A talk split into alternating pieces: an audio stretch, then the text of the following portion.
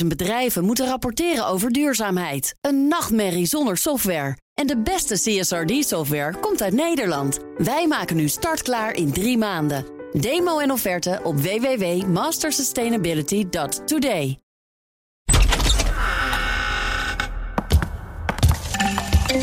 Ik heb daar één keer echt mensen horen juichen. En dat was toen Mark Rutte terugliep naar de fractiekamer van de VVD. Applaus en gejuich daar van die VVD'ers. Dat was leuk. En we hebben D66'ers horen klappen en, en champagne drinken. En allemaal eh, lege drankflessen in de Tweede Kamer. Ja. Komen daar nog coronaboetes van? Want daar is dus een illegaal feestje geweest in coronatijd. Een bijeenkomst van meer dan twee personen. Maar het is toch gewoon een kantoor? Oh, dit was een Wij vergadering. zitten toch ook met z'n drieën hier. Als ik hier een fles wijn op Ja. tafel zet, Zo krijgen lust we dan er nog wat in. boete? Eh, mijn hotelkamer in de Holiday Inn Express naast de Tweede Kamer, daar was het ook feest hoor. Oh, Daar sliepen wat D66'ers en die hadden het heel gezellig. Maar zaten ze dan bij elkaar op de kamer? Dat En, denk eh, ik ja. Dat, dat kon ik door het muurtje wel aardig horen. Nou, dat wordt niet gehandhaafd, jongens. maar Achter de in. deur. Nieuwsroom Den Haag met Sophie van Leeuwen, Thomas van Groningen en ik ben Mark Beekhuis. Het is vandaag vrijdag 19 maart. Er zijn nu echt alle 100% van de stemmen zonder twijfel eh, geteld. Oh, daar zeg, je, daar zeg je me wat. Gisteren was het 99. Ik heb het niet meer gecheckt. 99,7 of zo heb ik zien staan, ergens een keer. Maar wel echt eh, heel, heel eh, bijzonder als je die kaart ziet. En dan zie je alle steden. Zelfs Rotterdam is lichtgroen geworden. Arnhem, Nijmegen, zelfs Groningen en Leeuwarden. Ik wist niet wat ik zag. Maar Ja. lichtgroen, wat is lichtgroen? Eh, D66. Dus Oh, ja. meestal is dat Amsterdam en Utrecht of zo. Ja, er of- kwam en ook dan een nog eh, Nijmegen erbij. ANP-alert dat VVD was de grootste in Rotterdam. Meteen erachteraan herstel. D66 is de grootste in Rotterdam.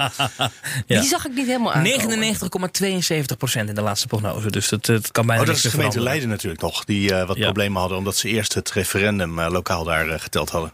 Oh ja. Vanmorgen om eh, 9 uur, ja, dat is wel aardig om even op de dag dat we de podcast opnemen. De gemeente Hardenberg is de laatste gemeente die binnen is gekomen. Zou er nog, toch nog een zeteltje extra in zitten voor Wopke Hoekstra of eh de gemeente Hardenberg? nee, het kan nu haast niet meer verschuiven.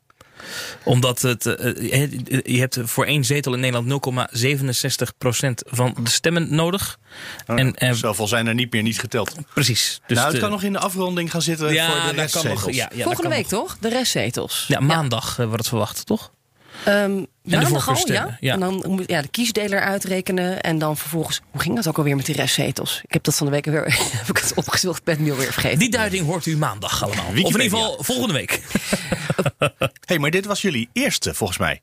Want jullie zijn allebei, hebben je nog nooit een eh, verkiezing, of een, een verkiezingsdag als parlementair verslaggever meegemaakt, toch? Ja. Wel als verslaggever, wel als journalist.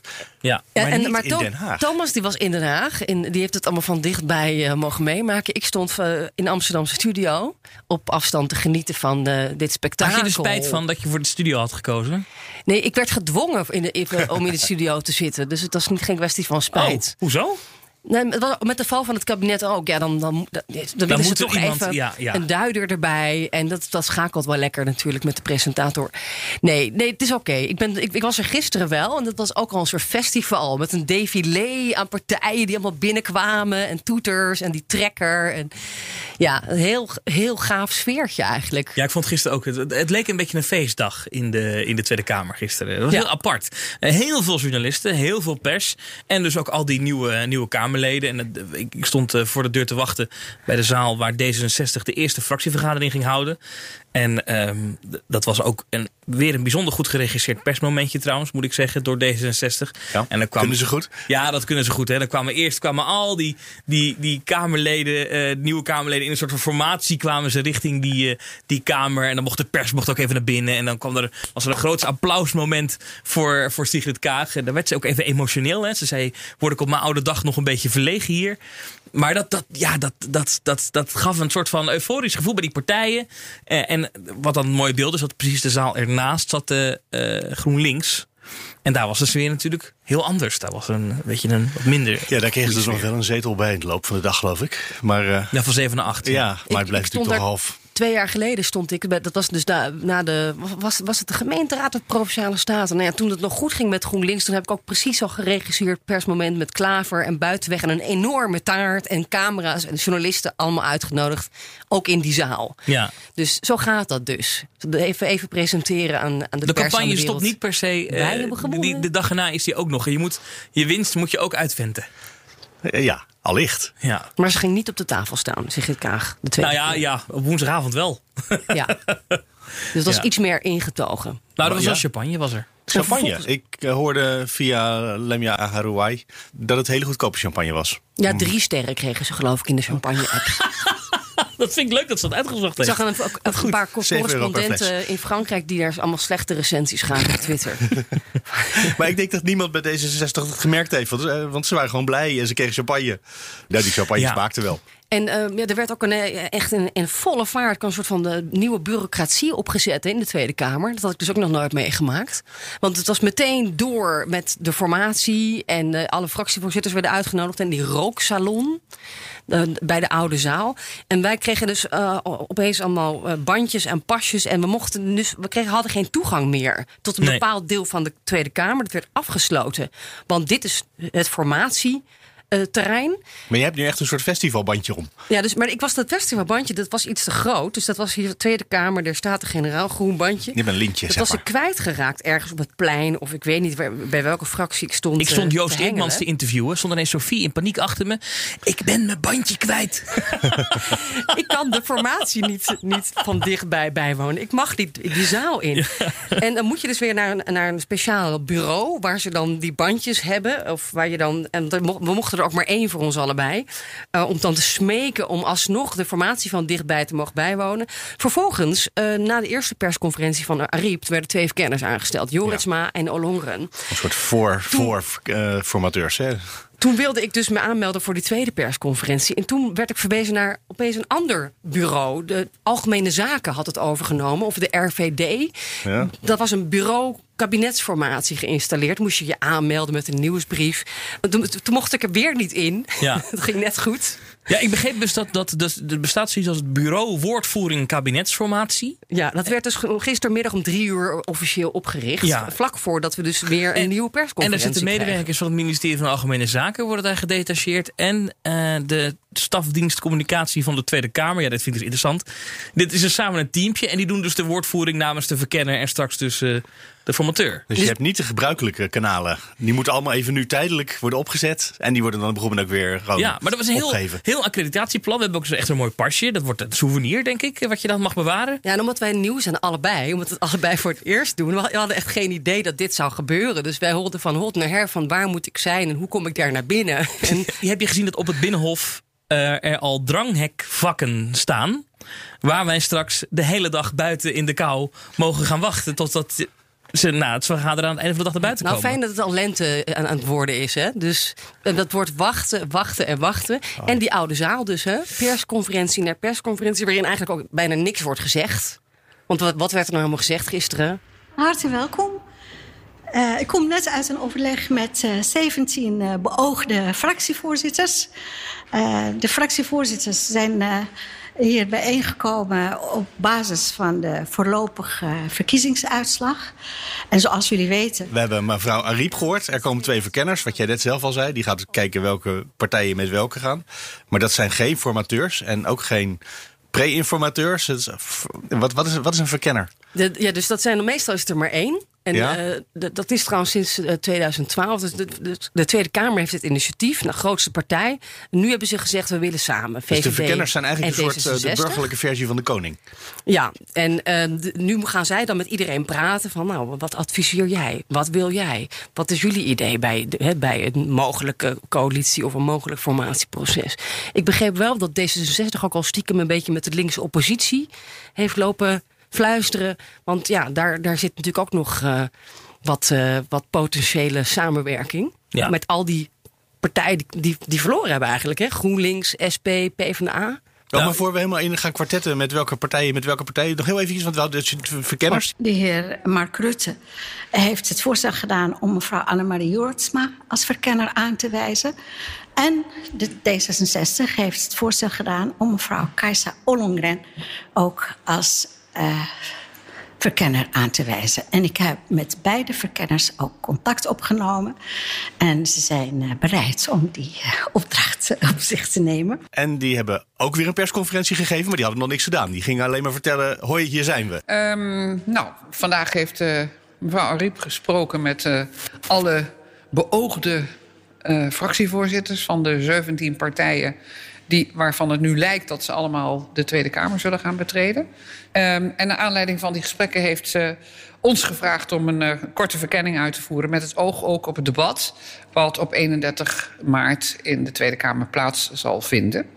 Uh, nou, voor ons beiden is het een enorme eer dat we dat uh, mogen doen. Ja, ze wilden nu eens echt iets zeggen over de snelheid of zo. Ze wilden eigenlijk gewoon niks zeggen. Maar ze hebben natuurlijk twee weken de tijd. Want op 31 ja, maart wordt het de nieuwe Tweede Kamer geïnstalleerd. En dan moeten ze klaar zijn. In dan principe. moeten ze op 30 maart hun rapportje inleveren weer bij de Kamervoorzitter. En dan vervolgens is er een debat op de 31ste. We hebben trouwens volgende week nog een coronadebat met de oude Tweede Kamer. Dat is ook heel bijzonder. Die zit dus nog steeds. Ja, die, ja, natuurlijk. De Kamer is gewoon. Die is er tot die vervangen wordt. Maar die verkenners die hebben dus als taak om gewoon al die 17 als het 17 blijken te zijn, uh, 17 fractievoorzitters te ontvangen. Te kijken wie kan met wie, wie wil met wie, wie is bereid om mee te doen. Wat zijn de absolute no-go's voor deze partijen. En dat schrijven ze op. Meer doen ze eigenlijk natuurlijk niet. En dan komt er daarna komt er een informateur, Informateur, of, juist. en dan daarna een formateur. En dat zou Juist. ook kunnen dat zij dan doorgaan als informateur. Of het wordt iemand anders. Of het worden ook twee informateurs. Ja, het hoeft natuurlijk niet per se een informateur te worden van VVD en D66. Het zou ook maar iets heel anders kunnen worden. Ja, maar goed, het feit dat de VVD nu al een handreiking heeft gedaan naar D66 door te ja, zeggen: het is een "Goh, aanwijzing." eh, jullie mogen ook een, eh, een verkenner aanwijzen. Ja. Ehm, dat, dat zegt wel iets natuurlijk over eh, welke kant zij op willen. Ehm, van heel lang geleden herinner ik me van een formatie in Leiden, waar ik ooit woonde. Eh, dus in de gemeenteraad. Dat daar een officieel proces gaande was. Waarbij er een formateur bezig was of een informateur om te kijken wie met wie. En ondertussen was er een van de niet de grootste partijen. Die was wat om zich heen gaan bellen. Dat was helemaal niet het officiële proces, maar die had gewoon zelf even een coalitie bij elkaar gebeld. Een schaduwformatie. Nee, dat was de echte formatie uiteindelijk, want die werd, dat werd de meerderheid. Ah, Dus die, onder, die ging gewoon buiten alle procedures rond. het zou wel ongebruikelijk zijn. Ik weet niet. Ja, dat eh, is volledig eh, onparlementair, om het maar even zo te zeggen. Maar ja, als je over rechts wil, ja, dan moet je toch weer met de VVD en met het En de CDA. VVD zit voorlopig nog eventjes eh, met D66 eh, in de wagen. Ja, en D66 als ze over links willen, nou ja, misschien zijn die ook stiekem aan het onderhandelen. Over Nee, een we grote weten in ieder geval linkse dat- samenwerking, maar het wordt wel lastig, denk ik, gezien de cijfers. de, de, de kranten die melden op basis van redelijk betrouwbare bronnen dat de VVD best wel eh, wat rondjes gebeld heeft. in ieder geval naar ja 21. Dat had de Telegraaf. eh, om te kijken veel, goh, kunnen we niet eens wat bekijken? Misschien, eh, niet, eens als, ja, misschien niet eens als eh, deelnemende partij, maar als eh gedoogpartner. Oh, of iets in die, bevallen de vorige keer, ja. Iets in die richting. In de Eerste Kamer ook wel notabene. Ja, want dat is, dat is ook wat, wat Eertmans zei. ehm, eh, toen we hem even spraken op het plein voor de deur. Van ja, wij hebben die acht zetels in de, in de Eerste Kamer. En dat is onze troef. Fractie Nanninga, hè, officieel. Dat is de fractie Nanninga, ja. Ja, dus maar daar- die is gelieerd aan eh, dezelfde afsplitsing van Forum voor Democratie. Ja. Waar ook ja 21 uh, Precies. voorkwam. Mijn idee is om hè, te kijken naar die rechtse meerderheid. Dat, of je nou in het kabinet komt of niet. Maar daar moeten wij het zo meteen eh, van hebben. Dus eh, voorstellen over migratie of eh, kernenergie of eh, ehm, Europa. Dat kun je daar proberen te verzilveren. Zo zitten wij ook in elkaar. Hè. Zo zit eh, Annabel, ik, Niki in elkaar. We moeten gewoon resultaten gaan boeken. Dus niet alleen maar aan de zeilen schreeuwen. Maar gewoon iets doen voor Nederland. Nou, eerst maar eens naar die verkenning kijken. En dan zullen we onze boodschap brengen. En dan kijken of dat, eh, of dat hout snijdt. Of er, of er iets meer in zit dan, eh, dan, eh, dan de Kamerzetels activeren. Maar ook echt of je in een kabinet kan komen. Ik vraag me af of het lukt. Maar we staan, we staan er open voor. Want u zegt al Europa, dat is met D66 wel lastig. Jullie staan Ja, lijnrecht tegenover lijnrecht. Ja, dus dat maakt het allemaal niet makkelijker. Die uitslag is, dat, dat is lastig, want zij is heel groot geworden. Of D66 is heel groot geworden. En die staan precies inderdaad aan de andere kant. Dus of je daar nou of een heel zwak compromis uit krijgt... of dat ze een gunfactor ge- geven... van, nou, dan krijgt ja 21 een heel brok migratie eh, naar hun zin. Ik, ik vraag me af of dat realistisch is. Eh, dus met deze uitslag wordt dat lastig. Maar ik zeg het, ik, we gaan open aan tafel. Dus gaat geen charme-offensief richting mevrouw Kaag starten. Ik moet haar volgens mij nog eh, ontmoeten. dus dat kan eh, zomaar, kan natuurlijk heel korte tijd kan veel gebeuren. Dat hebben we nu ook gezien. Maar ik, eh, kijk, charme-offensief, het gaat gewoon om de ideeën. En ik denk dat zij met, ja, met Rutte de lead gaat nemen. Dat vind ik ook logisch en goed. Ehm, nou, en dan zien we wel wat daar voor ons in, eh, in de melk valt te brokkelen. Dus we weten dat vanuit de VVD dat belletje gepleegd is. Eh, NRC meldde vanmorgen dat vanuit D66 er belletjes naar de linkerkant zijn gegaan. Dus naar GroenLinks, PvdA, eh, Partij van de GroenLinks, Arbeid, SP. eventueel SP. Ja, dus daar zijn ook belletjes naartoe gegaan. Dus je werkt wel. Dus wat dat betreft heb je misschien wel een beetje gelijk. Dat die verkenners zijn bezig, maar die partijen zelf Die gaan doen niet, het echte werk. Die, die, die, zijn, die zitten niet stil En natuurlijk. je ziet dus dat de Eerste Kamer een hele grote rol speelt. Want je weet dat je ook uiteindelijk voor, voor voor eh, GroenLicht eh, of over links moet in de Eerste Kamer. GroenLinks, PvdA steun moet hebben voor alles wat je wil. Of via Ja 21. Ja. En wat, wat ik interessant vind de afgelopen paar dagen is dat iedereen er al automatisch van uitgaat dat het CDA wel weer meedoet. Dat is natuurlijk ook slim geregisseerd door Mark Rutte. De op, tijdens het slotdebat nog even duidelijk eh, kenbaar te maken dat hij graag door wil met u aan mijn rechterzijde, zei hij tegen Wopke Hoekstra. Ja. Kortom, daar was Als eigenlijk minister al... van Financiën betekent dat. Voor Nederland was eigenlijk al het beeld beklonken. Dat nieuwe kabinet wordt sowieso VVD-CDA. Ja. En, en toen Nou ja, dat is D66 de wens van de premier. dat is de wens van de premier. Maar, dat, Demissionair als hij is. maar heeft iemand aan het CDA gevraagd, wil je dit eigenlijk wel? Jawel. We hebben het gevraagd En wat zei die? aan Bob Koekstra. Wat zei die? Het is nu niet aan mij. De bal ligt bij D66 en de VVD. Nou, de VVD zegt, kom er maar bij. En eh, de twee verkenners zeiden gisteren dat sommige mensen, partijen nog een beetje tijd nodig hebben om de uitslag te verwerken. Lees Wopke Hoekstra. Want ja, Ah. hè, we hebben dan twee weken voor, voor dat rapport. Die moet nog Zou- even bij zinnen komen. Zou Hoekstra eh, over twee weken er wel klaar voor zijn? Ja, wij vinden het natuurlijk allemaal teleurstellend. En eh, ik denk dat ook het gevoel overheerst dat er meer in had gezeten. Maar ja, de kiezer heeft gesproken. Dus dit hebben wij te accepteren. U wordt eigenlijk een beetje links ingehaald door D66 en en rechts door Forum voor Democratie. Of hoe evalueert u dat? Nee, kijk, dat, dat, dat, dat, er dingen niet goed genoeg zijn gegaan... en dat die uitslag eh, teleurstellend is... ja, dat staat als een paal boven water. Maar het is niet zo dat ik een, een, een, een campagne-evaluatie... eh, eventjes heb gedaan eh, de afgelopen paar uur. Van de partijvoorzitter Ploem, mag u blijven als partijleider? Wat zegt u? Wilt u aanblijven? Ja, ik, eh, ik ben dit eh, inmiddels twaalf weken aan het doen, geloof ik. Ehm, en ik ga daar met veel enthousiasme mee door. Maar uw positie als minister van Financiën kan natuurlijk wel in gevaar komen. Is dat spannend voor u? Ja, maar dit, de, de, de, de verantwoordelijkheid die ik heb als demissionair minister van Financiën, daar ga ik natuurlijk gewoon eh, mee door. En verder heb ik aangegeven dat eh, twee andere partijen nu aan zet zijn. Dat het nu aan de VVD en aan D66 is. eh, de twee winnaars van deze, van deze verkiezingscampagne. eh, om aan te geven hoe zij verder willen. Eh, en niet wij. Ik denk ook wel dat, dat hij persoonlijk misschien wel, wel zou willen. Maar eh, het is natuurlijk ook strategisch gezien. De VVD heeft CDA keihard nodig. Anders zijn ze overgeleverd aan links. Mhm. En dan stort de VVD over een paar jaar mogelijk in. Hè? Of, of al eerder. Mhm. Als het kabinet valt over de toeslagen of de Groningen parlementaire enquêtes. Of een van die drie. Ehm, en andersom, ja, geldt dat voor het CDA natuurlijk ook. Dat, Ja, dat- dat, dat- dat is niet zo slim. Eh, Misschien om, eh, strategisch gezien om in het kabinet te gaan zitten. Dus Nee. voor het VVD is het CDA nodig, zeg je, om te voorkomen dat de VVD over een tijdje instort. Maar voor het CDA is het heel nodig om nu niet deel te nemen, om te voorkomen dat ze nog verder Nou ja, afkalven. Daar zitten twee dingen in. Kijk, één is als je niet meedoet, dan zal Rutte je betichten van verantwoordelijkheidsvakantie. Dat woord heeft hij al eens eerder Ja, gebruikt. dat is een CDA-woord. Dus dat zou bij het CDA heel erg gevoelig aanpakken. Precies. aankomen. Dus, dus het, het, het, het, het CDA is natuurlijk ook, eh, ook, ook lokaal eh, vaak een partij geweest die kiest voor verantwoordelijkheid en meedoet. Is ook een van de kernwaarden, zeggen ze dan. Dus daar, eh, verantwoordelijkheid nemen, dat doen wij.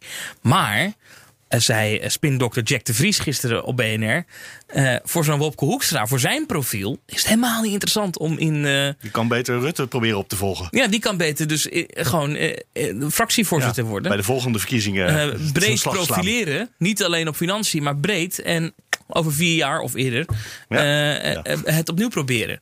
En dan kan je ook nog wel even doordenken. Ja, als het voor de persoon Wopke Hoekstra niet interessant is...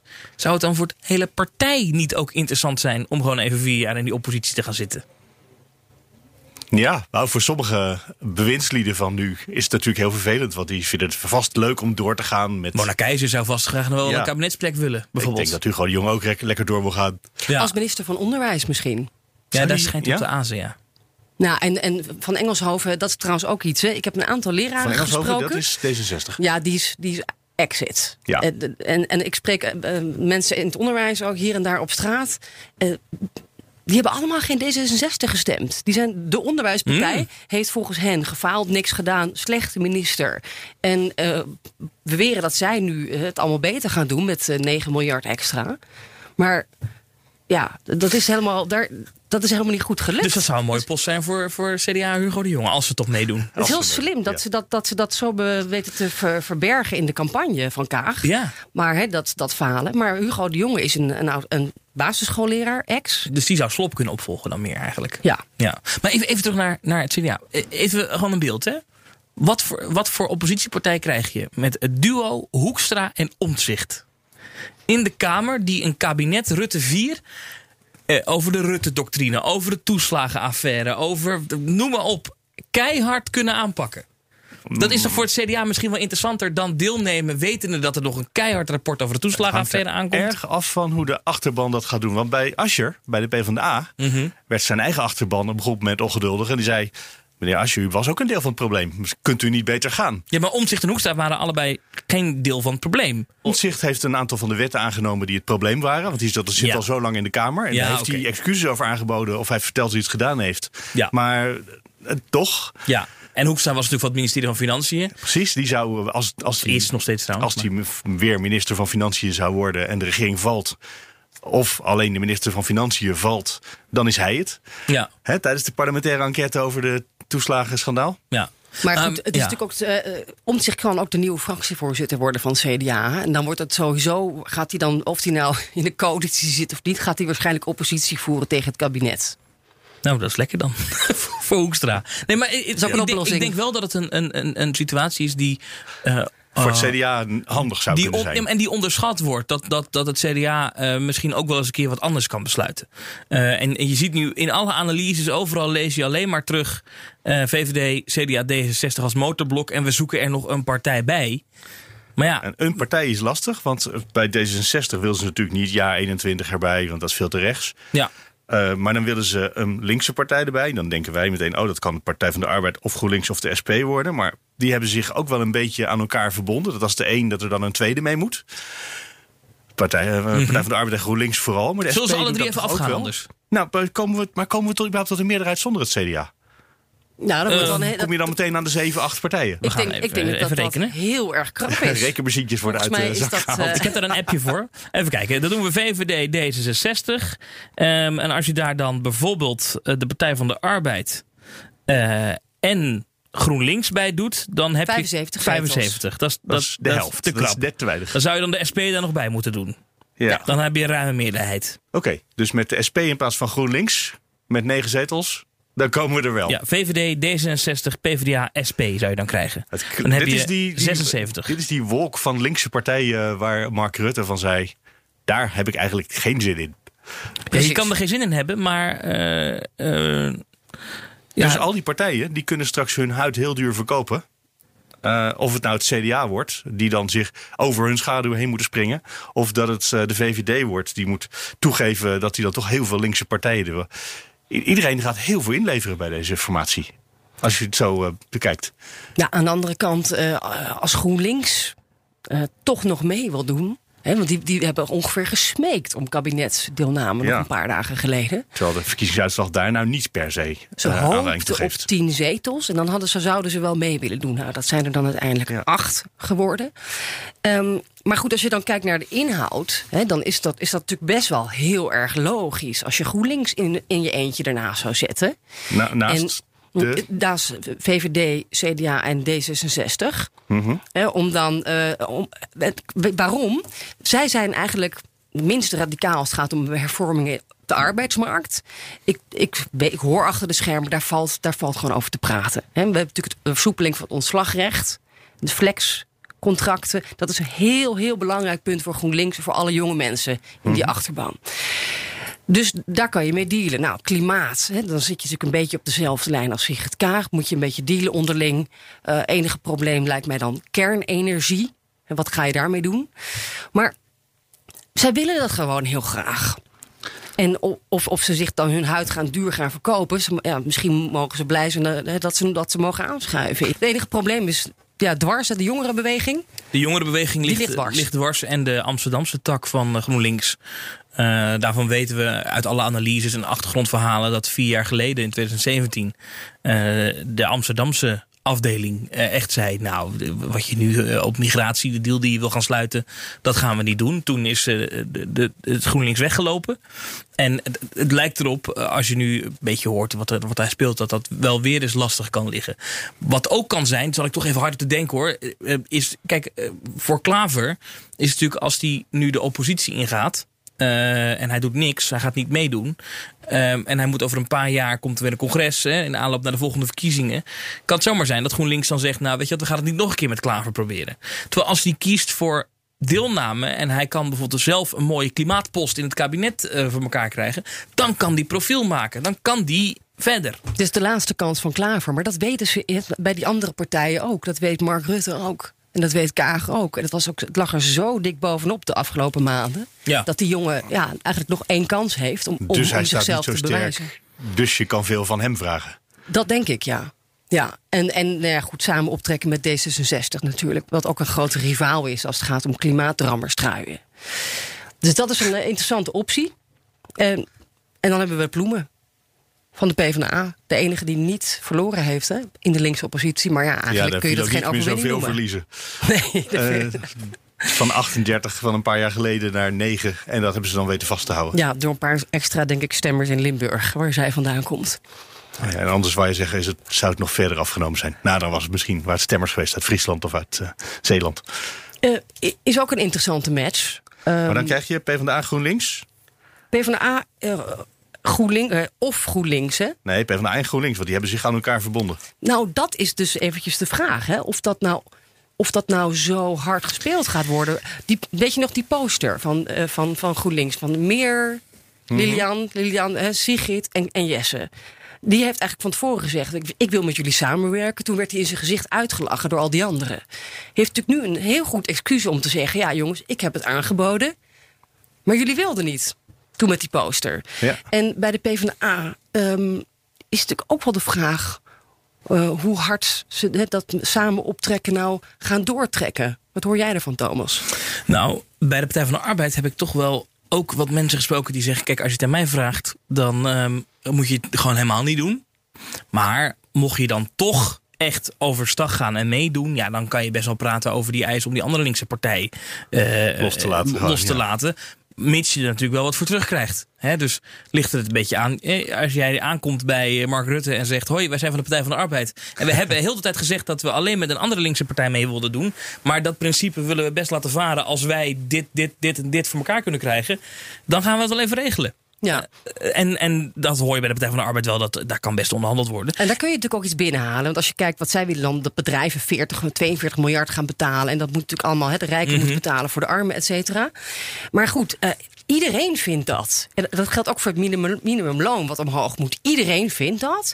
Dus dan kun je gewoon zeggen, nou, dan eh, doen we er nog een klein beetje bij om het PvdA tegemoet te komen. En, en die kunnen dat toch hè, bi- binnenslepen of presenteren als een overwinning Ja. na zo'n onderhandeling. Ja. In feite ligt dat natuurlijk gewoon, het cadeautje ligt al klaar op een presenteerblaadje. Ja, en wat daar natuurlijk ook speelt is dat, dat het CDA deze campagne best wel een punt heeft gemaakt van eh, we moeten meer naar vaste banen toe. Hè, we moeten af van al dat eh, flexwerk in Nederland. Iedereen wil dat. Eh, De Partij van de Arbeid. En ik, ja, maar dan kun je dus daar wel echt een stap in zetten. Dus ik bedoel niet een beetje, maar gewoon een hele grote stap zetten. Dan moet de VVD wel echt veel toegeven. En er moet een sociaal akkoord komen. En kijk, de polder speelt hier natuurlijk ook een hele, hele belangrijke Ja, rol. ja, ja. Maar goed, zelfs en- de VNO, hè, de, de werkgevers, eh, willen eigenlijk die kant op. Ja, en het is ook geen geheim in Den Haag. Als je een beetje aanvoelt dat mevrouw eh, eh, Ploemen eh, het toch wel ziet zitten om weer minister te worden. Ja, is dat zo? Want onlangs zei ze volgens mij dat zij beloofde dat ze in de Kamer zou blijven. Zij Ja. zelf dan, hè? Ja. Niet, niet de Ja, rest. minister-president of in de Kamer.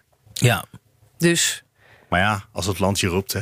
Ah, when duty calls, duty calls. Ja, dat is ook waar natuurlijk. dat hadden we ook weer op voorspeld. Ariep als minister van Volkshuisvesting. Als ze niet dan wordt gekozen, herkozen als Kamervoorzitter. Oh, en eh, kan ze niet de baas worden van het Rijksvastgoedbedrijf en dan alsnog de verhuizing van het Binnenhof terugdraaien? Hé, hey, dat is een goed idee. Dan moet je staatssecretaris van Binnenlandse Zaken worden, toch? Ja. Ja, ja. Nou, maar dat- dus dat is ook niet uitgesloten dat ze, dus, dat ze eigenlijk dan die belofte breken. Ja. Hè? De GroenLinks of de PvdA. Ja. Eh, en dan toch stiekem in hun eentje aanschuiven bij het motorblok D66, VVD en het CDA. Ja. En dat geflirt tussen de VVD en de SP van het afgelopen half jaar. eh, was dat achteraf gewoon allemaal campagne? Of is dat Nou. echt iets wat is, eh, er speelde? Ik heb het gisteren nog even gevraagd aan, aan Marijnissen. En hoe zit het nou? Maar die, die was wel heel erg hard met haar hoofd aan het schudden. En, eh, ja, het, zo, zo teleurgesteld. En de campagne ging zo goed. En hoe kan dat nou, dat, dat het de zo, SP zo afloopt? En nee, het is niet aan ons. Ik vond haar wel erg afwijzend hoor, gisteren in die wandelgang. Ja, kijk, de uitslag is nou niet bepaald zo dat Nederland massaal de SP het nieuwe kabinet in heeft eh, gestemd. Dus eh, dat ligt wat ons betreft absoluut niet, eh, niet eh, voor de hand. Eh, de verkiezingenuitslag is natuurlijk teleurstellend voor ons. Het is niet wat we hadden gehoopt, maar het was ook niet helemaal wat we hadden verwacht. Eh, gezien de reacties op onze campagne, gezien de grote waardering die er alom is voor bijvoorbeeld de inzet van een Renske Leid voor de toeslagenaffaire. eh, gezien onze positie waarbij politiek gezien toch partijen steeds meer eh, in ieder geval in woord onze kant op eh, bewogen. Maar goed, ja, de kiezer heeft gesproken en die heeft de voorkeur duidelijk uitgesproken voor rechtse partijen de komende tijd. Dus dat belooft wat. Ja. Een, een rechtskabinet zonder linkse partijen. Ja, de kiezer heeft gesproken. Die heeft massaal naar rechts gestemd. Ik maak me daar grote zorgen over. Met name als het gaat over de rekening die gaat komen van deze coronacrisis. We weten allemaal nog hoe dat vorige keer bij de crisis is gegaan. Wie toen de rekening heeft betaald? De gewone mensen. Ik denk dat een SP heel hard nodig zal zijn de komende tijd. Dus die verantwoordelijkheid voel ik ook echt. Om ervoor te zorgen dat we eerlijk uit deze crisis gaan komen. Maar ook bijvoorbeeld zoiets als de toeslagenaffaire. Ik heb er absoluut geen vertrouwen in dat de zittende partijen die die problemen hebben veroorzaakt, dat die dat gaan oplossen. Ja, en eh, laten, gaan, gaan jullie elkaar nog vasthouden op links? Dus niet stiekem ben je eentje toch in het kabinet of alleen met z'n tweeën of überhaupt niet, maar... Kijk, ik kan niet voor andere partijen spreken. Dat moeten zij vooral eh, zelf doen. Ik kan alleen maar verwoorden waar wij als SP eh, staan. En ja, gezien de uitslag vind ik dat ons bescheidenheid past. Wacht op betere tijden. Eh, of zoiets. Knokken voor betere tijden. Zo is het. Of is de SP die partij die bedoeld wordt met de mensen die nog even de uitslag moeten laten bezinken? Net als het CDA. Maar dat kan ook gelden voor Jesse Klaver. Dat kan ook gelden voor Jesse Klaver, maar van de SP. We hebben het er vaker over gehad in deze podcast. Het geflirt was zo opzichtig tussen VVD en SP en CDA en SP. Die trokken echt naar elkaar toe. Het was een soort van... zou eh, zelfs nog kunnen gaan over D66 dat hij nog even moet accepteren dat ze met een nogal rechtse coalitie aan de slag moeten. Met het CDA en eh, een jaar 21 en nog misschien nog wat. Kijk, ja, denk- maar dat, nee, dat, geloof, dat kan Nee? ik naast niet voorstellen. Nou, dat kost ook tijd. dat kost ook tijd. Voor ze daaraan gewend zijn, die gedachten. Maar goed, Kaag wil natuurlijk een progressieve partij aan de linkerflank, denk ik. Die, Ja. die, die Ja. heeft natuurlijk een, absoluut een voorkeur voor GroenLinks PvdA. Boven de SP. Ja, CDA wil liever de SP. Rutte mogelijk ook. Even over D66 en Ja 21. Hè, want dat zou natuurlijk een optie kunnen zijn dat je dan Ja 21 eraan toevoegt. Eh, gisteren even met Eerdmans gesproken. En ook even gehad over zijn tijd in Rotterdam toen hij nog voor Leefbaar eh, actief was. Dan heeft hij ooit een coalitie gesloten met, eh, met D66. En toen begon hij natuurlijk meteen. Ja, ja maar je, je kan lokaal niet vergelijken met landelijk. Dat, dat moest hij echt even benadrukken. Maar zei hij, ja, je- Ja. Het, het kon wel. Maar het was wel vanaf minuut één moeilijk. En waar hij zei waar je dan bijvoorbeeld daar heel erg problemen zag, was in de opvang van asielzoekers in Rotterdam. Ja. Daar stonden Leefbaar en, eh, en, en D66 echt. eh, Nou, daar kan je landelijk en lokaal wel met elkaar vergelijken, denk ik, op dat thema. maar daar, daar is het toen wel gelukt. Ehm, en ehm, hij, hij had heel verhaal dat hij graag mevrouw Kaag een keer wilde ontmoeten, want hij had haar nog nooit ontmoet. En eh, hij wilde wel gaan praten. Maar hij zei wel, het, is niet realistisch, maar we, kunnen, er, we kunnen erover week eerst praten. eens even met mevrouw Ollongren praten. Ja. En mevrouw Jorritsma als verkenners. Eén eh, partij die we nog niet echt besproken hebben is de ChristenUnie.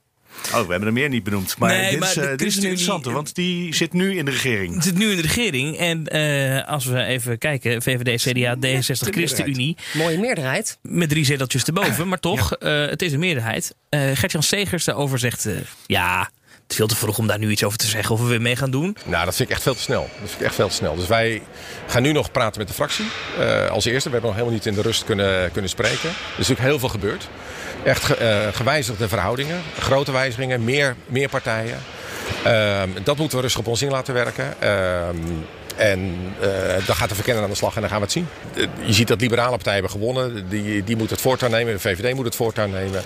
Eh, zij moeten hun wensen maar uitspreken. Eh, maar ik vind het echt eh, veel te vroeg om iets eh, nou ja, enigszins te speculeren over onze eigen rol. Maar wat ik wel interessant vond aan zijn antwoorden... is dat hij toch bleef herhalen dat het feit dat de ChristenUnie gelijk is gebleven, vijf zetels... ehm, dat dat voor hem een bevestiging is dat als je meedoet en als je verantwoordelijkheid neemt, dat je daar niet per se voor afgestraft hoeft te worden. Dat je als, je, als je gelijk blijft nadat je de stap naar voren hebt gezet en in dat politieke krachtenveld verantwoordelijkheid ge- eh, hebt gedragen in een crisis die ook heel zwaar is geweest. Dat we deelnamen aan het kabinet, dat is een stap naar voren zetten en verantwoordelijkheid dragen. Eh, daar kun je ook voor worden afgestraft. Dat, dat kan ook een tik op de vingers opleveren. Als je dan het vertrouwen behoudt, dan is dat iets om eh, heel blij mee te zijn. Nou, dat is best een mooi verhaal. En dat kan natuurlijk ook best een mooi verhaal zijn naar de achterban van de ChristenUnie om het nog een keer te doen. En wat je intern bij de ChristenUnie ook hoort... kijk, zij zijn eigenlijk best wel blij met wat ze hebben binnengesleept. Hè. Dingen zoals kinderpardon. Uit Moria was het, vonden ze natuurlijk verschrikkelijk. Mhm. Maar ook een beetje op klimaat. En dat Lelystad maar lekker traineren voor, hè, voor die achterban in de Bijbelbelt. Dus zij zijn eigenlijk heel zichtbaar geweest de afgelopen vier jaar. En ehm, hebben er best wel profijt van gehad. Nee, dat zie je dus ook. Ze blijven gelijk. Regeren was niet halveren. Zeker zoals een beetje blij. Zoals Ja. gisteren met deze uitslag. Alleen Hoewel die eigenlijk D66 ook wel is een heel beetje... ongelukkig met de ChristenUnie. Ja, maar dat is alleen moeten- maar op die medische-ethische kwesties. Ja. Ja, en Maar die vinden ze wel belangrijk. Ja, die vinden ze heel belangrijk en die vindt ChristenUnie ook belangrijk. Maar je kan je afvragen, moet je nou... Midden al in een coronacrisis? Al het beleid waar we, waar we het over kunnen hebben, moet je nou dat... de- laat dat dan vrij. Ja, dat is wat Kaag wil. Hè? Eh, Maar goed, en de Zegers die vindt dat dan weer Die zei, ik wil het wel arrogant. vrij laten, maar die, de regering valt wel op het moment dat het aangenomen wordt. Maar- Ja, zo, hij zei dat niet letterlijk zo, Ja, zo maar... zei hij het. Oh, echt? Ja, Dat kan dan ik zei niet hij, zeggen. dat ga ik niet meemaken. Dat is het moment dat, eh, onze, dat wij onze steun aan de regering intrekken. Ja, maar goed, Nou, ja. dan, dan valt de regering, normaal gesproken. Ik, Ja, ja oké, dat is waar. Ja. ik, daar is ook volgens mij helemaal geen kamermeerderheid voor, eerlijk gezegd. Als je kijkt eh, hè, dat, wat de progressieve partijen... levenseinde en... eh, Nou ja, als je kijkt, iedereen die daar mogelijk voor kan zijn... en met partijen zoals GroenLinks, daar ga je toch helemaal geen kamermeerderheid nee, voor. er Dus ja, is een rechtse dan, meerderheid in de Kamer. Dus. Dus, dus dan, dan ga je dus zeg maar niet je verantwoordelijkheid nemen midden in de grootste economische crisis sinds de Tweede Wereldoorlog. Terwijl je nu, nu met z'n vier in het kabinet zit. Vanwege een ja, hè, eh, voltooid leven. Niemand ligt daarvan wakker, toch op dit moment in Nederland. Maar goed, dat is mijn mening. Ik wou zeggen, voor jou, ja, er zijn andere mensen die dat heel belangrijk vinden. Nee, dat is natuurlijk, en ik begrijp ook dat het een heel belangrijk Want ik heb het is. als Maar prioriteit. Hè? Ik zeg niet dat dat niet belangrijk is, maar Nee, het gaat om economische het is, prioriteiten. het is natuurlijk ergens best, best, best opmerkelijk dat, dat we straks wellicht deze coalitie moeten laten varen. Wat best een optie is, waar best eh, op heel veel punten raakvlakken zijn. eh, op die twee thema's waarvan je kan afvragen Ja. of ze het überhaupt wel redden in de Kamer. Met de stikstof eh, hebben ze natuurlijk elkaar ook wel heel erg hard getroffen. Want de ChristenUnie wil niet het halveren van het boerenbestand. En dat vindt de D66 een soort minimumvoorwaarde. Ja, maar dat gaat niet Dat- dat is gebeuren, een- sowieso niet. Met Halveren, CDA? dat is de inzet. Maar ja, misschien wordt het 20 procent. Daar gaat het CDA ook echt niet mee akkoord natuurlijk. Er zal wel iets afgaan.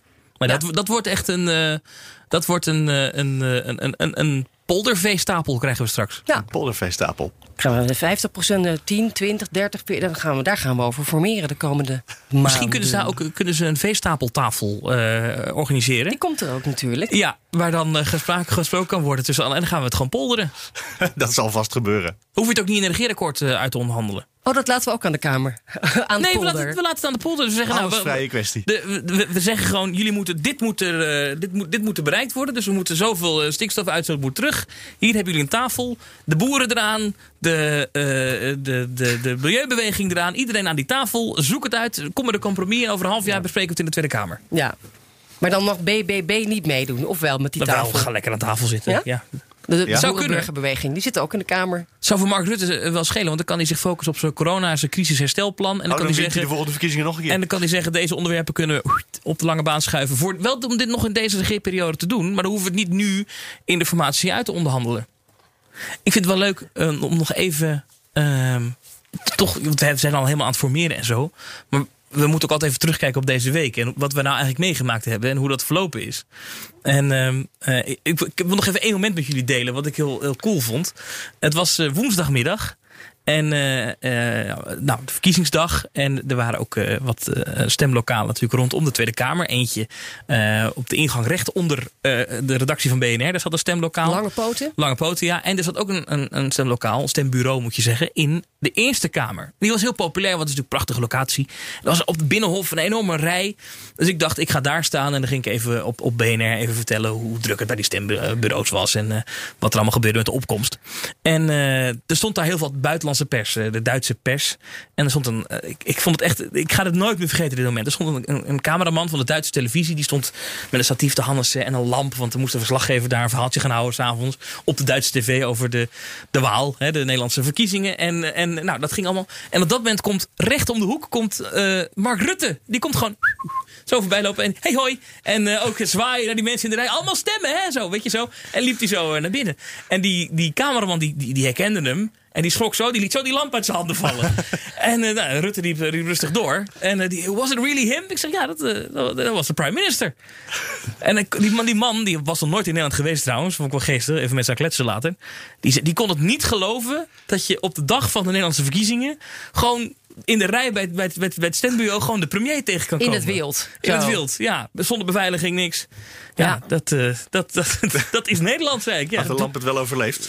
Jawel, het was zo'n ledlamp, weet je. Zo'n Oh, led, eh, ja, gelukkig. ja. ja, is ook belangrijk. Ja, ja, ja. Maar ik Ik- vond dat echt een mooi moment. Ik werd ook weer gebeld door de, de BNR uit Bulgarije, de Bulgaarse Nationale Radio. Want ik moest ook weer even vertellen hoe dat hier gaat. En eh, ook wel belangrijk, want zij hebben in april verkiezingen. En hun eh, eh, prime minister die moet natuurlijk ook herkozen worden. Terwijl Ja, zij. niet? Want dat is met vrije verkiezingen. Er kan ook iemand anders gekozen worden. Nee, precies. En, ehm, maar in, in Bulgarije hing natuurlijk helemaal onderaan die vaccinatielijst, weet je nog? Net Ja. als Nederland. Dus ja, hoe win je nou de verkiezingen?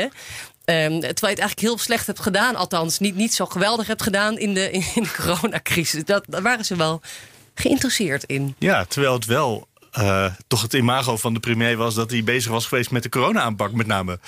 Ja, ja. de- de- Dat is ook interessant.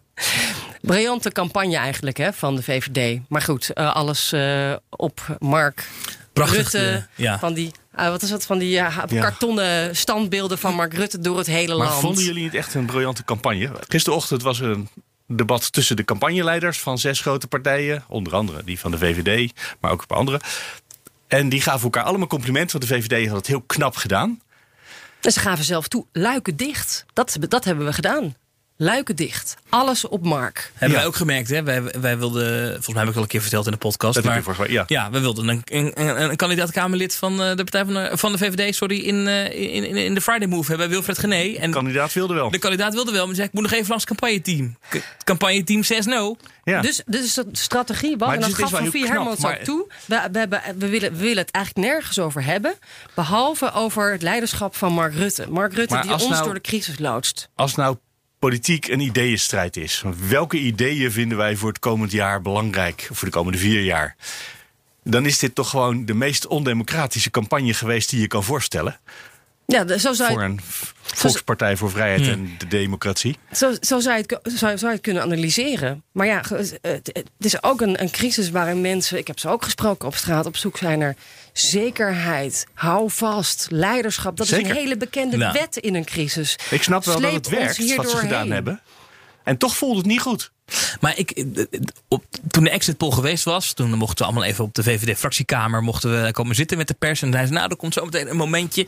Nou, eh, ik zat daar klaar met de vaderlandse journalistiek, zaten we daar te wachten. Toen was het over drie minuten, gaat Sofie Hermans een, een verklaring geven. Oké, Dat was het moment met al die microfoons in haar neus. Ja, ja, ja, ik ook. En ik had, het- ik had dom, slecht voorbereid. Ik had een hele korte hengel bij me. En ik zag al die pers en ik dacht, oh, dit gaat mis. Dus ik moet vooraan staan. Dus ik stond hier, want ik denk, anders, anders red ik het niet. En het was live op BNR. Dus jij dus- kruipen over de vloer naar ja, voren.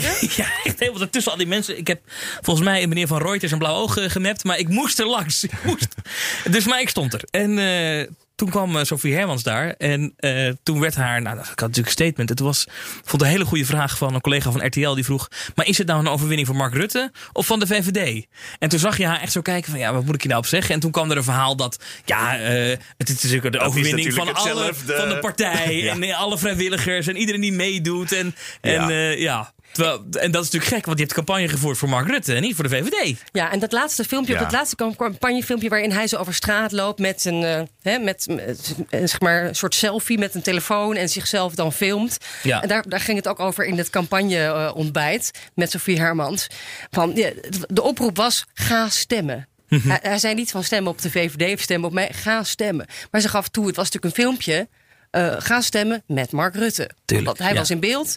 En eh, dat, dat, ja, dat, was werd slim. wel echt gezien als een, iets heel slims. Apolitiek, boven de partijen Nonchalant, uitstijgen. met een telefoontje opgenomen. Zogenaamd de- voor de democratie. Je mag stemmen op wie je wilt. Maar Mark Rutte zegt ga stemmen. Oftewel eigenlijk stemmen op mij. Nou ja, dat soort dingen hebben toch gewerkt. Want ze hebben het beter gedaan dan verwacht. Ze waren toch aan het zakken in de peilingen. Beetje winst erbij, twee zetels. Ja. Nou, ik vind, het cynisch. ik vind het cynisch als je zegt... het enige wat uitmaakt is of we zetels binnenhalen... of het land weet wat we gaan doen de komende jaren. Ja, maakt het het gaat om helemaal de niets zetels. uit. Het gaat om de zetels. Dat is, Nee, dat is... het gaat natuurlijk niet om de zetels. Het gaat om wat de komende jaren met het land Ja, gebeurt. maar op verkiezingsavond gaat het even om de zetels. Maar- nu, de komende tijd gaat het weer Ja. over de idealen en de inhoud. Het gaat natuurlijk wel ja, maar dan hebben we al gestemd. En dan kunnen we niet meer zeggen... oh, bedoelde die dat? Ja, ik dan trek het. ik mijn stem in. Ja, ja, nee, dat kan niet. Maar Dat, het gaat, eh, wel, het gaat ook om hervormingen natuurlijk. En, en wie Ja. dan de heeft en hoe we gaan hervormen. Maar nou, en, precies. En, En nou, maar de je- liberalen hebben gewonnen. En die willen natuurlijk ja, misschien wat, wat harder Nee, hervormen. maar je hebt niets Of- gehoord van hoe het verschil eh, tussen het CDA en de VVD en D66 is in arbeidsmarkthervormingen. Terwijl iedereen zegt, ja, we hebben het rapport van de commissie Borstlab en dat is heel belangrijk, daar moeten we wat mee. Nou ja, we, Maar de- welk de- stuk we op de WW. gaan doen? Ja, wel, we weten wel, de. VVD zegt eh, dat de WW wel eh, nog in twee jaar kan, maar dat het, dat het tweede jaar eh, iets, iets lager wordt. Dat hij wel iets hoger aan het begin Je hebt zit. de verkiezingsprogramma's gelezen, Terwijl maar je hebt niet naar de verkiezingsdebatten gekeken. Nou, Oké. het is er wel even over gegaan. Oké, niet prominent. Ik ben het met je eens. Het is misschien voor de, voor de mensen die er echt zin in hebben. Maar goed, en Bobke Hoekstra, dat was wel, wel duidelijk. Toch in 2025, hè? Maar ik ben het met, met Ja. Mark eens. In die zin dat inderdaad deze verkiezingen gingen weer heel erg om de persoonmarkt en veel om corona. En niet om dingen die nu wel uitgekristalliseerd moeten worden in een formatie. En dat is op zich Ja. gek.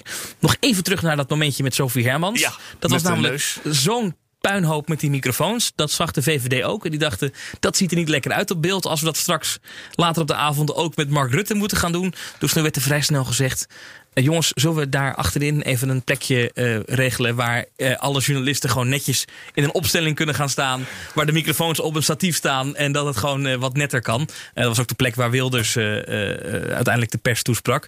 Want we gaan natuurlijk niet ook bij Mark Rutte... al die microfoons in zijn gezicht krijgen. Dat moeten we niet hebben.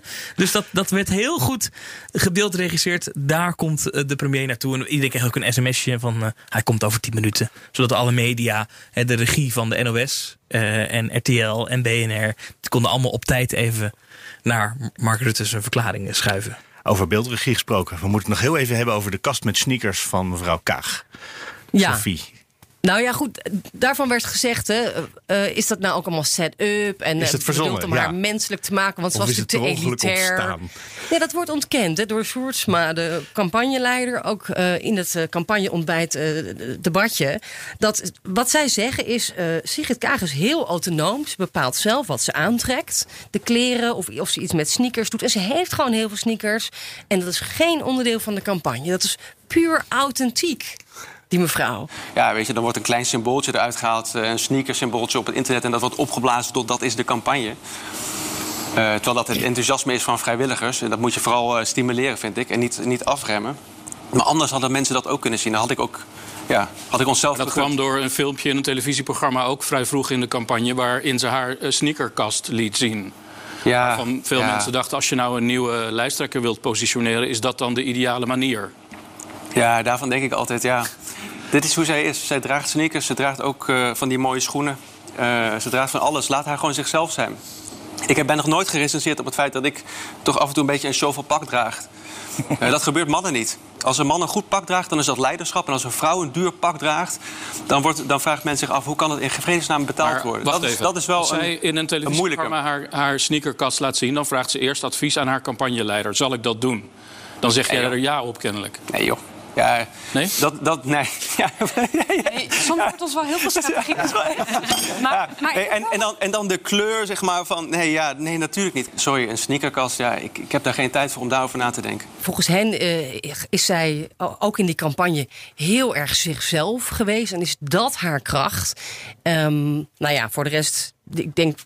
Wat vond jij van de D66-campagne? Het is natuurlijk wel. In het begin vond ik het niet zo goed gaan, eerlijk gezegd. Uh, ik, ja. ik, wil altijd wegblijven van recensies, want dat moeten andere mensen maar doen. Maar we hebben toen ooit een podcast opgenomen. Dat was toen buiten bij uh, Algemene Zaken. Toen was de avond ervoor die documentaire op tv geweest. Ja, ja toen waren wij niet heel mild voor uh, Sigrid Kaag. Toen hadden wij toch een beetje het gevoel dat een vrouw die niet zo goed begrijpt wat er nou in de samenleving speelt. En daar hebben ze wel echt aan gewerkt. Uh, bij D66 is ook anders gaan spreken.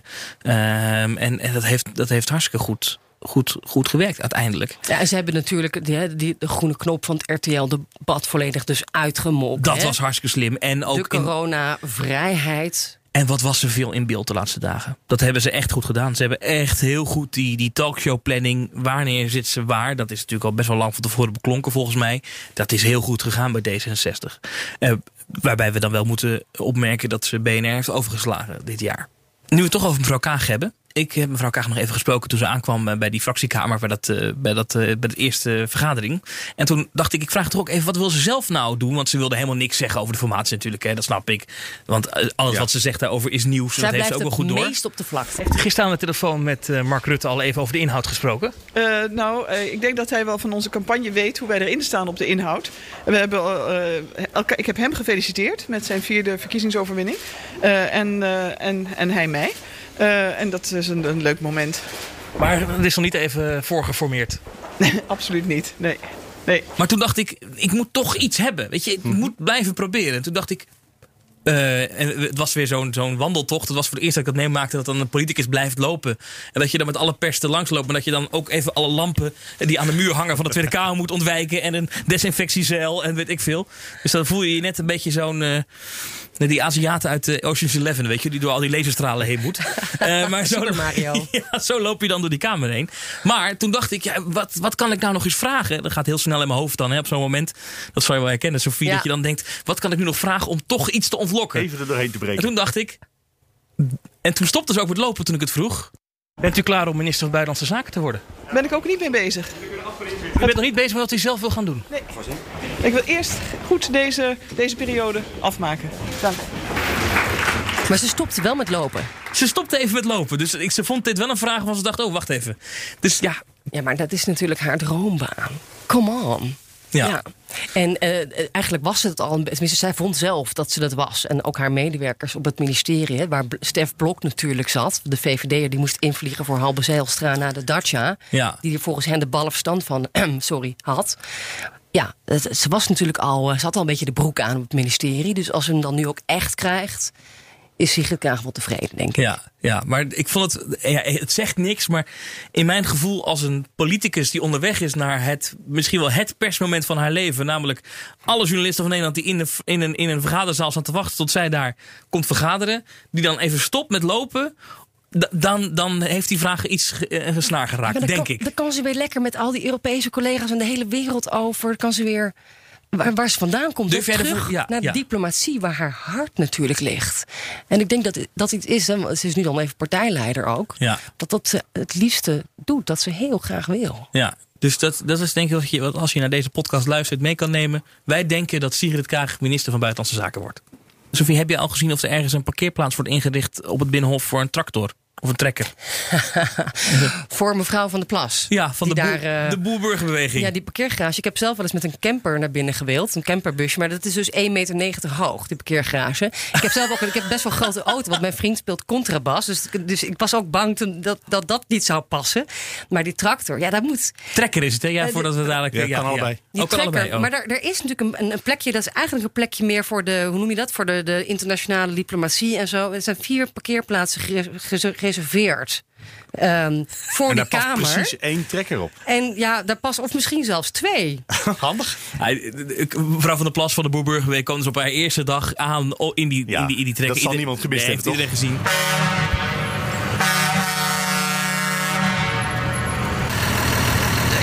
Ja, het betekent alles voor mij eigenlijk. Ik zei al, ja, na de geboorte van mijn kinderen is dit echt het uh, mooiste wat ik heb meegemaakt. Maar het mooie is wat ik vond, ik, ik vind haar wel echt leuk in die zin dat uh, journalisten vroegen meteen, gaat u dit nou iedere dag doen? Nou, dan zou je natuurlijk zeggen, nee, nee, nee. Dan zei, nou, misschien gaat het nog eens een keer gebeuren. Maar ik vond het wel leuk. Ze gaat niet in Den Haag wonen. Volgens mij wil ze absoluut, de meeste mensen hebben een pied-terre. Dan krijg je zo'n ja. een, een, nee, nee. waar je kunt slapen.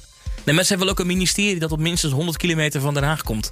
De politiek moet meer weg uit Den Haag, vindt ze. Oh ja, misschien in de nieuwe stad van Joost Eermans. Ergens midden in de, in de Flevopolder of zo.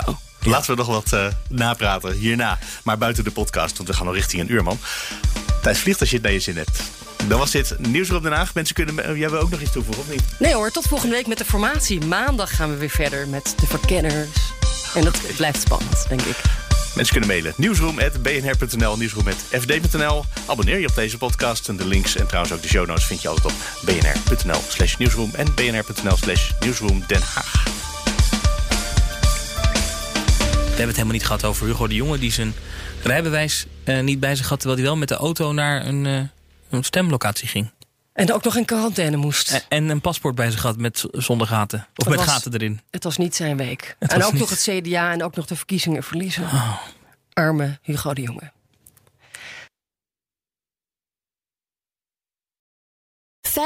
50.000 bedrijven moeten rapporteren over duurzaamheid. Een nachtmerrie zonder software. En de beste CSRD-software komt uit Nederland. Wij maken nu startklaar in drie maanden. Demo en offerte op www.mastersustainability.today.